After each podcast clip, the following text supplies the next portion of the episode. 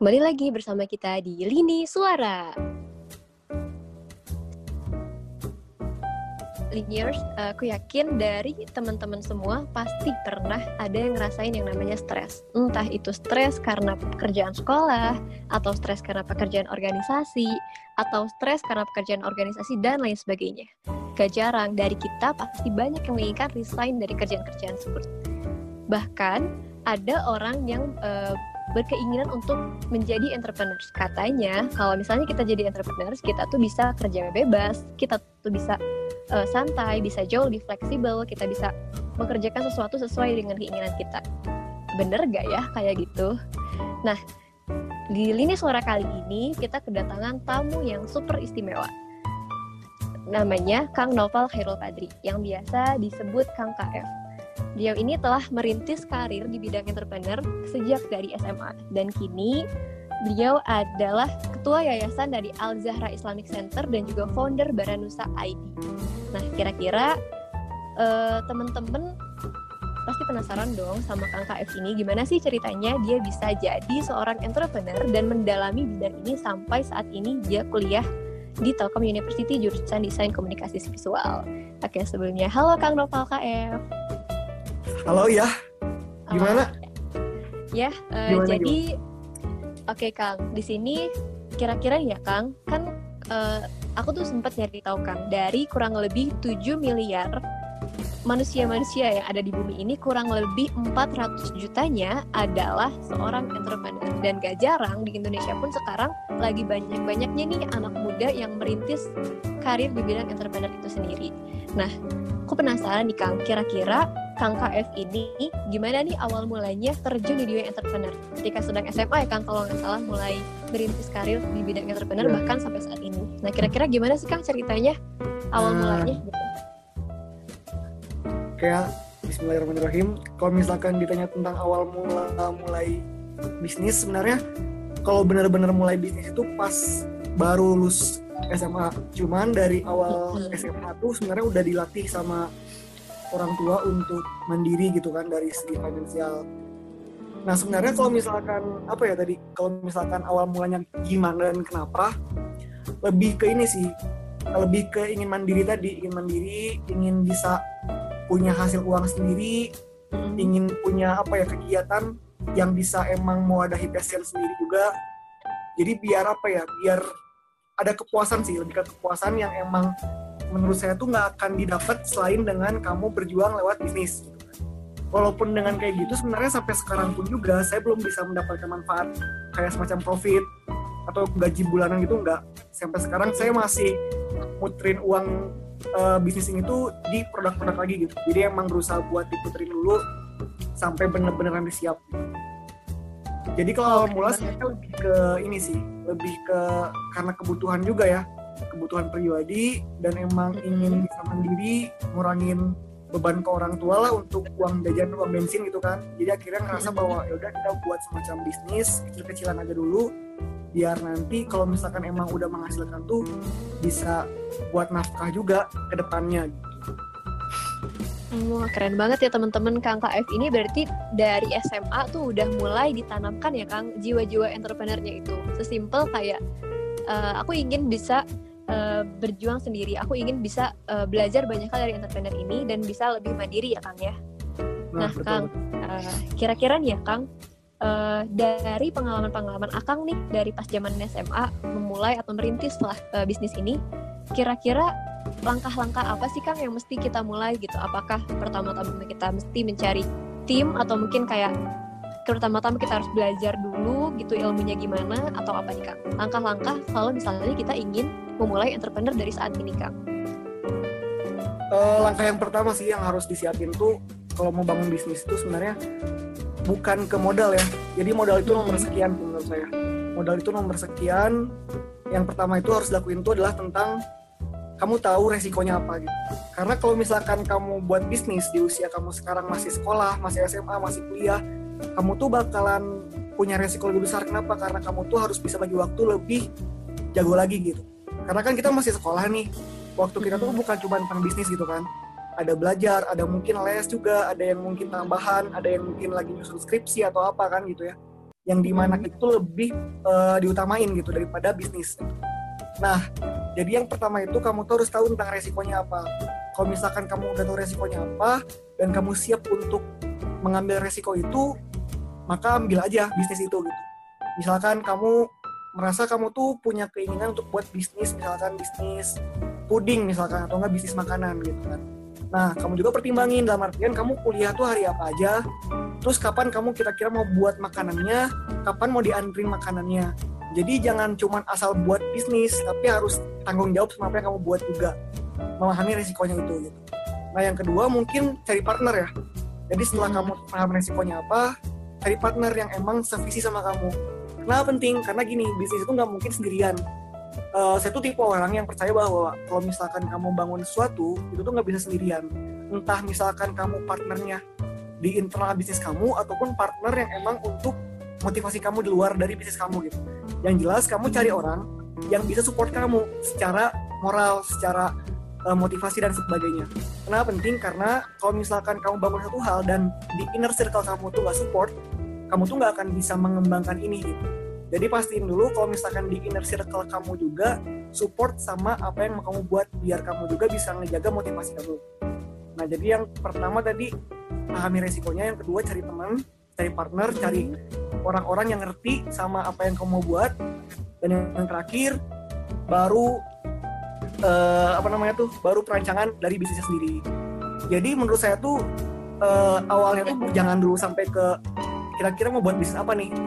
Jangan gitu dulu tapi lebih ke kamu siap nggak sama resikonya? Kamu siap nggak sama dampaknya? Kamu siap nggak sama kegagalannya ruginya dan sebagainya gitu. Nah setelah kamu siap cari teman cari partner setelah ada teman dan partner baru kamu buat perancangan bisnisnya. Yang ada modal dalamnya yang ada target marketnya siapa yang benar-benar lebih detail ke produknya jadi mungkin langkah-langkahnya yang kayak gitu yang secara umum yang saya lakuin ya jadi kalau misalkan saya personal untuk modal untuk kayak target market gitu-gitu mah setelah saya personal udah siap sama resikonya sama udah ada teman juga yang mau bantuin saya secara moral ataupun secara teknis di bisnis ini. Wow, oke okay banget nih tips dari Kang KF. BTW Kang, kalau ngomongin masalah kewirausahaan ya atau misalnya entrepreneurship lah, uh, kira-kira nih Kang menurut Akang kan tadi setelah kita uh, mengetahui resikonya apa, setelah kita mempunyai partner, barulah kita melaksanakan hal-hal yang kayak uh, target market atau misalnya modal dan lain sebagainya. Nah, menurut Kang KF sendiri ini ketika Kang membuat bisnis, kira-kira jenis kewirausahaan yang seperti apa sih Kang yang cocok untuk dikembangkan di kalangan pelajar atau mahasiswa Kang? Uh, nah, ini kembali ke, kepada kebutuhan masing-masing orang ya.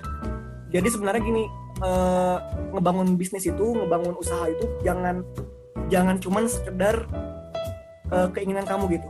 Jadi emang harus juga diperhatiin bagaimana kebutuhan orang-orang itu ada atau enggak sih di produk yang kamu buat ini. Karena gini uh, sebenarnya bisa aja sih kamu buat hal yang baru ya inovasi baru. Misalkan kamu buat semacam alat yang emang sekarang tuh belum dibutuhin. Tapi nanti mungkin dibutuhin kan. Tapi kalau misalkan untuk kita anak-anak muda yang masih SMA atau kuliah uh, saran saya sih baik-baiknya ya baiknya tuh harus tetap mempertimbangkan kebutuhan target market kamu. Misalkan nih kamu emang masih kuliah, kamu mau buat makanan uh, makanan minuman gitu kan misalkan semacam puding atau atau enggak misalkan semacam kue-kue gitu kan. Mm-hmm. Nah, pahami juga kebutuhan mereka tuh ada atau enggak di makanan kamu ini. Karena apa? Kalau misalkan dari inner circle kamu aja nggak butuh, kamu nggak bisa establish untuk bisa nge-share produk kamu ini untuk jadi kebutuhan masyarakat. Gitu. Mm-hmm. Karena dalam bisnis itu sebenarnya uh, gampangnya gini, kamu tuh punya suatu barang, suatu hal yang bisa memecahkan masalah mereka. Entah itu dalam makanan atau minuman. Kenapa ada produk makanan? Karena ada orang yang lapar kan. Kenapa ada produk iya. pakaian? Karena ada orang yang butuh pakaian gitu. Jadi tetap harus dalam ranah itu. Walaupun nanti ada inovasi-inovasi, kayak ide-ide baru, itu lebih ke pengembangan dari packaging dari uh, produk kamu. Misalkan nih, kamu buat makanan minuman misalkan. Makanannya puding misalkan puding yang kayak gimana nih yang menarik? Biar orang-orang tuh tahu puding ini tuh puding kamu. Kalau cuma buat puding coklat yang orang lain juga bisa buat puding coklat gitu. Misalkan ditambahin puding coklat tapi coklatnya tuh dari coklat Garut misalkan. Atau enggak puding coklat tapi coklatnya tuh bener-bener coklat alami dari pulau mana misalkan gitu. Itu di highlight banget biar jadi inovasi juga. Jadi di uh, apa ya dipertimbangin juga dalam masalah kebutuhan ini dalam artian jangan cuma ingin buat sesuatu, jangan ingin buat sesuatu doang tapi buat sesuatu yang bermanfaat. Karena kalau misalkan cuma buat suatu hal uh, dan nggak bermanfaat ya itu nggak jadi bisnis. Karena bisnis itu harus tetap ada orang yang beli kan harus ada orang yang butuh gitu. Jadi kalau misalkan saran saya yang kayak gimana sih modal bisnis yang emang diperluin sama anak-anak muda? Yang pastinya yang bermanfaat sama mereka yang mereka butuhi. Saran saya jangan apa ya jangan terlalu uh, jangan terlalu inovatif dalam artian gini bukan berarti nggak boleh inovatif tapi jangan terlalu inovatif itu lebih ke kamu tuh harus tahu kebutuhan dari orang-orang tuh kayak gimana. Kalau misalkan emang orang-orang butuhnya uh, A di circle kamu butuhnya A ya kamu jangan buat Z gitu. Harus tahu dulu siapa yang mau kamu arahin buat dijual produk ini itu gitu. Misalkan kamu arahinnya ke ibu-ibu atau ke anak-anak muda kamu harus tahu dulu nih mereka tuh butuh apa. Jangan asal jual jangan asal ngebuat gitu loh. Karena gini kebutuhan dari ibu-ibu sama anak-anak beda kamu misalkan buat buku ber, buku bacaan lain misalkan buku bacaan yang ada warna-warni dan sebagainya gitu tapi kamu yang jual ke ibu-ibu yang gak akan bisa jadi pahami dulu siapa yang mau kamu targetin buat ngejual produk kamu setelah dapet targetnya kamu buat kira-kira produk kamu kayak gimana kayak gitu Wah, berarti it means kemampuan dalam melihat peluang tuh penting banget ya, Kang, dalam menentukan jenis kewirausahaan atau bisnis yang bakal kita buat. Okay. Nah, iya, tuh. penting penting banget karena emang kalau misalkan kita uh, cuman ngebuat produk gitu loh kasarnya. Ngebuat bisnis tapi kita nggak tahu kita mau ke siapa jual produk ini. Itu kayak semacam hal yang menurut saya uh, sia-sia aja sih. Karena pertimbangannya udah makin besar sih kalau menurut saya. Sekarang itu misalkan yang baru kul yang kuliah nih buat bisnis pertimbangannya harus lebih matang lagi. Kenapa? Karena kamu tuh udah mau lulus kuliah. Lulus kuliah tuh kamu harus kerja. Kalau misalkan bisnis kamu ini nggak siap ya kamu bakal tinggalin bisnis kamu ini pas kamu lulus kuliah. Jadi cuman sebatas kayak uh, apa ya cuman ngisi waktu doang mah lebar buat saya kayak hmm. cuman apa ya cuman cuman selewat doang lebar mendingan kenapa nggak dibuat serius gitu kayak gitu sih Wah keren banget nih Kang. Oh ya Kang, btw uh, eh, berbicara tentang bisnis nih Kang, Kang KF ini kan ada uh, sekarang lagi fokus di Yayasan Al Zahra Kreatif dan juga Baranusa ID. Nah dengar-dengar juga nih ya Kang, rata-rata bisnis tuh biasanya mendet atau berhenti di tahun pertama atau tahun kedua. Nah, sedangkan kalau dari yang uh, uh, dari yang aku lihat, Kang KF ini bisnis Alzara Kreatif dan juga Baranusa ID ini masih terus berjalan sampai saat ini. Kalau misalnya Kang KF baru mulai ketika Kang KF lulus, it means kurang lebih tahun 2017 ya Kang. Berarti sampai ya. sekarang 2020 kan udah kurang lebih uh, hampir tiga tahun ya Kang. Hmm. Nah, kira-kira gimana nih Kang? Uh, bisnis tersebut bisa bertahan sampai selama ini. Kira-kira strugglingnya apa Kang? Apakah pasti kan banyak nih kendala-kendala dalam berbisnis? Uh, sebenarnya kalau misalkan banyak kendala ya, kenapa bisa bertahan sampai sejauh ini tuh lebih ke uh, barang Nusa dan Al Zahra itu adalah apa ya passion oriented buat saya gitu. Jadi saya tuh pertama kali ngebangun uh, kalau Barang Nusa bukan dibangun ya, eh, kalau Al Zahra bukan dibangun ya, lebih kelanjutin ayah saya. Gitu. Barang Nusa palingnya yang paling yang paling saya rasain ngebangunnya gitu. Saya tuh ngebangun Barang Nusa ngelakuin Al Zahra itu karena passion jadi bukan karena profit gitu kalau misalkan profit doang ya misalkan saya rugi ya saya bakal mundur tapi bukan berarti profit gak penting ya dalam bisnis itu kita tuh harus mempertimbangkan tentang modal eh, tentang apa? Tentang untung. Gak boleh cuma jual barang terus kita terima uang yang emang itu nggak ada untungnya tuh nggak boleh. Karena emang pada saat dalam bisnis kamu tuh berusaha untuk mendapatkan suatu hal yang profitable. Tapi profitable atau enggak itu bukan visi kamu gitu. Hmm, kalau menurut okay. saya yang saya rasain sekarang ini yang saya lakuin di Barno ataupun di Alzara itu lebih ke passion sih. Lebih ke passion. Kalau misalkan emang menurut saya profit definisi profit itu apaan sih? Kalau misalkan cuma duit lebar. Yang saya rasain itu yang saya coba untuk tapin dalam diri saya definisi profit definisi value itu lebih ke keberkahan. Entah misalkan Allah ngasih rezeki kepada saya material ataupun kesehatan ataupun hal lainnya itu profit buat saya gitu. Jadi uh, apa yang dilakuin di Al Azhar Barnusa tuh mungkin iya rugi-rugian atau mungkin lebih ke banyak hal yang mengganggu struggle dan sebagainya gitu. Tapi tadi karena emang pada dasarnya ini passion oriented buat saya yang di mana pada akhirnya misalkan emang belum mendapatkan uang material dan sebagainya ya itu bukan jadi masalah. Tapi saya tetap akan usahakan karena Barnusa itu bisnis buat saya. Kalau Al Zahra itu lebih ke tempat khidmat buat saya. Jadi kalau misalkan Al Zahra dan Barus itu kan beda ya. Kalau Al Zahra itu lebih ke yayasan yang emang saya lagi kembangin utamanya bukan untuk diri saya tapi untuk orang-orang yang terlibat di Al Zahra cuman kalau Barnusa itu emang lebih saya tekannya untuk uh, bisnis. Dan artian di Barnusa inilah saya bakalan coba untuk menggali pundi-pundi uang gitu. Tapi bukan berarti hanya itu. Jadi misalkan emang Allah nggak ngasih ke saya rezeki misalkan bulan ini dari Barnusa bukan berarti itu rugi uh, bukan berarti itu bangkrut. Lebih ke ya Allah gantinya dengan cara lain misalkan dengan kesehatan saya ataupun dengan hal-hal lain yang emang saya rasain gitu. Jadi mungkin ya kalau struggle gagal gitu sering banget. Saya saya selama ini ya selama Barnusa berdiri ya tiga tahun mungkin kurang lebih uh, saya tuh belum merasain sepeser pun uang Barnusa karena tiap kali saya dapat uang kecil saya bakal putar lagi untuk Barnusa itu sendiri. Karena saya percaya sih bahwa gini nggak mungkin saya bisa ngebangun Barnusa sampai nanti besar kalau misalkan saya nggak mau ngelakuin hal, hal kecil gitu. Jadi kayak tadi saya bilang kan modal itu kurang penting karena Barnusa itu berdiri tanpa modal sebenarnya. Ya tuh berdiri tanpa modal cuman nol rupiah kita berdiri diawali dengan kita ngebuat jaket-jaket buat kita sendiri ada yang suka kita buatin ada yang suka kita buatin sampai akhirnya kita bisa alhamdulillah cukup uh, adalah produk-produk dijual gitu kan sampai akhirnya sekarang gitu kan tapi tetap tadi kita belum mendapatkan profit secara personal ya untuk kita sendiri karena emang kita sampai sekarang masih berusaha untuk ngembangin bisnis kita sampai nanti establish saat kita nanti butuh uang ini udah siap gitu. Wah, Masya Allah, keren banget Kang KF. Nah, aku jadi inget Kang, sebuah hadis riwayat Ahmad At-Tabarani niat bahwa sebaik-baik manusia adalah yang paling bermanfaat bagi manusia. Dari ceritanya Kang KF, aku bisa nyimpulin Kang, kalau misalnya Kang KF ini berusaha untuk balancing keduanya. Dalam artian, ketika Kang KF di Baranusa berusaha mencari pundi-pundi keuangan, tapi di sisi lain pun Kang KF berusaha menjadi sebaik-baiknya manusia dengan bermanfaat bagi manusia lainnya di Yayasan Azhara Kreatif. Dan menurutku itu suatu hal yang sangat uh, luar biasa dan perlu kita contoh teman-teman ini suara ya dan uh, mengenai bisnis juga nih Kang. Uh, ada yang ingin kutanyai tentang gimana nih caranya Kang KF bisa bagi waktu antara bisnis dan akademis. Apalagi sekarang kan Kang KF di Telkom University jurusan desain komunikasi visual ya Kang.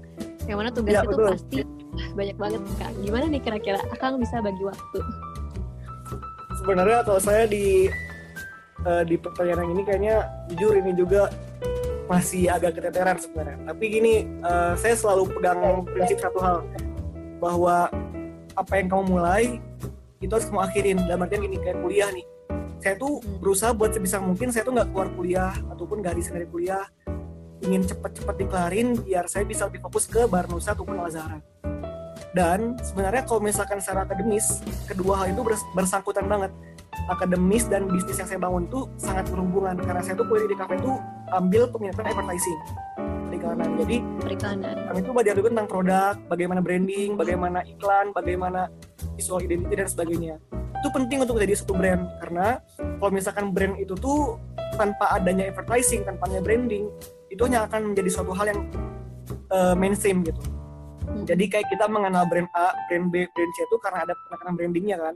Dan saya belajar itu juga jadi sebenarnya kalau secara akademis dan bisnis itu berhubungan. Tapi mungkin lebih ke pembagian waktu ya yang secara personal pasti kan nggak mungkin dong semua mata kuliah itu sejalan dengan ini gitu kan. Itu lebih ke sini sih lebih ke bagi-bagi waktunya tuh kalau menurut saya kamu harus pinter-pinter ambil resiko. Misalkan nih tapi jangan ditiru sih kalau saya tuh kadang-kadang ada beberapa hal misalkan ada mata kuliah yang emang masih masih full absennya gitu kan. Dan saya tuh harus uh, misalkan uh, survei kain misalkan nih barang Nusa karena emang lagi urgent banget buat produk misalkan. Nah saya bakal uh, skip kuliah tapi dan untuk nyari kain. Jadi skipnya kuliah saya tuh emang ada manfaatnya gitu loh. Tapi bukan berarti ini saya minta kalian untuk skip kuliah ya. Lebih ke ini mah resiko kamu siap atau enggak. Nah misalkan emang ada mata kuliah yang emang udah ujung banget absennya mau nggak mau ini harus saya lakuin. Karena tadi saya nggak mau ngulang gitu kan. Walaupun pada kenyataannya emang ada beberapa yang ngulang juga sih tapi nggak masalah karena uh, saya berusaha buat mempertimbangkan. Yang penting itu adalah saya lulus on time 4 tahun. Jadi kalaupun nggak lulus cepat gak masalah. Yang penting lulus 4 tahun dengan IPK berapapun. Yang penting lulus gitu kan. Tapi bukan berarti saya nggak mementingkan isi dari akademis itu sendiri. Saya saya benar-benar merasa bahwa uh, akademis saya itu sangat suportif untuk diri saya. Ya karena tadi ya saya di advertising juga gitu kan. Jadi mungkin membantu saya secara uh, keilmuan walaupun mungkin secara nilai emang agak apa ya agak oleng gitu kan. Tapi bukan menjadi menjadi masalah juga lah gitu. Jadi mungkin itu sih bagi waktunya lebih ke kamu pinter-pinter aja.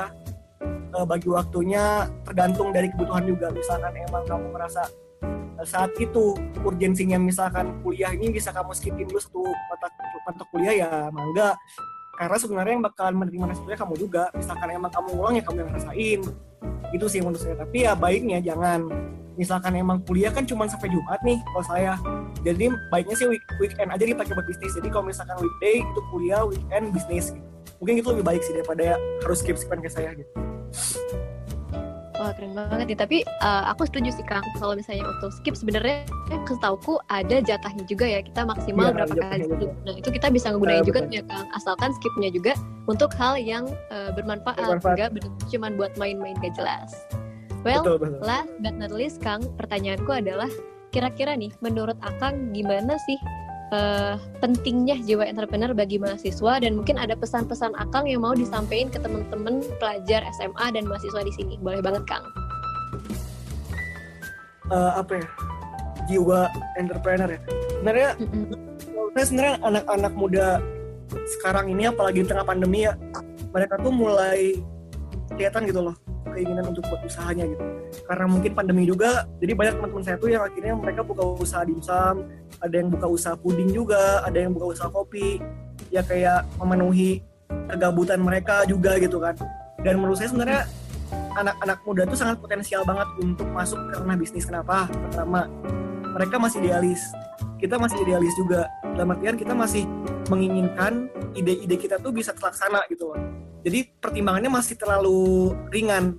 Dan ini waktu yang paling potensial banget untuk bangun satu hal. Karena kita tuh belum punya tanggungan itu loh. Belum punya tanggungan keluarga sendiri. Misalnya belum punya ya saya pribadi sih belum punya istri belum punya anak. Jadi masih masih bisa uh, banyak hal yang saya rasain untuk gagal-gagalan masih bisa lah gitu. Jadi belum belum banyak pertimbangan pertimbangan lain yang emang harus saya penuhi gitu loh. Jadi masih kalaupun rugi juga rugi buat diri sendiri lah gitu kan. Belum belum sampai ke dampaknya belum sampai ke orang lain. Nah kenapa harus dari kuliah? Kalau emang bener-bener emang punya jiwa entrepreneur atau mau buat usaha dari sekarang itu waktu yang paling potensial banget. Karena tadi kamu masih idealis dan yang kedua kamu masih belum punya tanggungan yang lebih banyak daripada orang-orang yang udah lulus kuliah. Nah makanya kalau misalkan menurut saya anak-anak muda uh, yang saya kenal ya terutama mereka tuh sebenarnya punya banyak ide-ide brilian ide-ide yang emang sangat uh, make sense untuk uh, solusi ke masyarakat juga lewat bisnis ini gitu. Tapi kendalanya tuh lebih ke hal-hal teknis gitu kayak misalkan modalnya gimana terus misalkan nanti gimana cara buat dan sebagainya. Kalau misalkan emang udah ada kemauan buat dulu nanti juga bakal belajar sendiri kok. Jadi nggak akan kalau misalkan emang ada kemauan nih pasti bakalan belajar sendiri. Nggak mungkin berhenti tengah-tengah.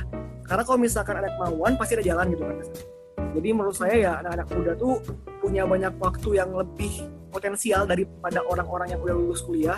Maka dari itu mending dari sekarang kita buat something yang emang mau kita lakuin untuk ke depannya. Nah kalau pesan sendiri untuk anak-anak muda buat saya juga ya mungkin ya. Saya juga merasa bahwa yang terpenting harus bisa bagi waktu sih. Jangan sampai mencampur adukan semua urusan di satu wadah gitu. Karena tadi kayak urusan rumah ya di rumah urusan uh, bisnis ya di, di luar misalkan urusan akademis ya di kampus. Jangan sampai kayak di rumah masih sibuk ngurusin bisnis di rumah masih masih sibuk ngurusin kuliah. Jadi bagi-bagi waktu juga untuk diri kamu sendiri untuk keluarga sama untuk orang-orang. Jangan sampai campur adukin semuanya di wadah karena yang punya hak itu bukan cuma kamu tapi semua orang yang terlibat di sekitar kamu tuh punya hak untuk merasakan tentang apa yang kamu buat gitu loh.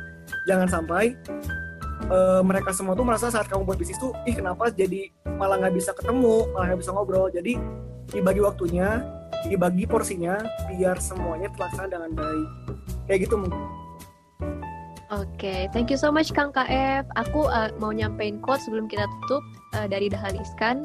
Setiap orang punya jatah gagal. Habiskanlah jatah gagalmu saat masih muda. Saya Giani Fadihaya dari Lini Suara. Terima kasih.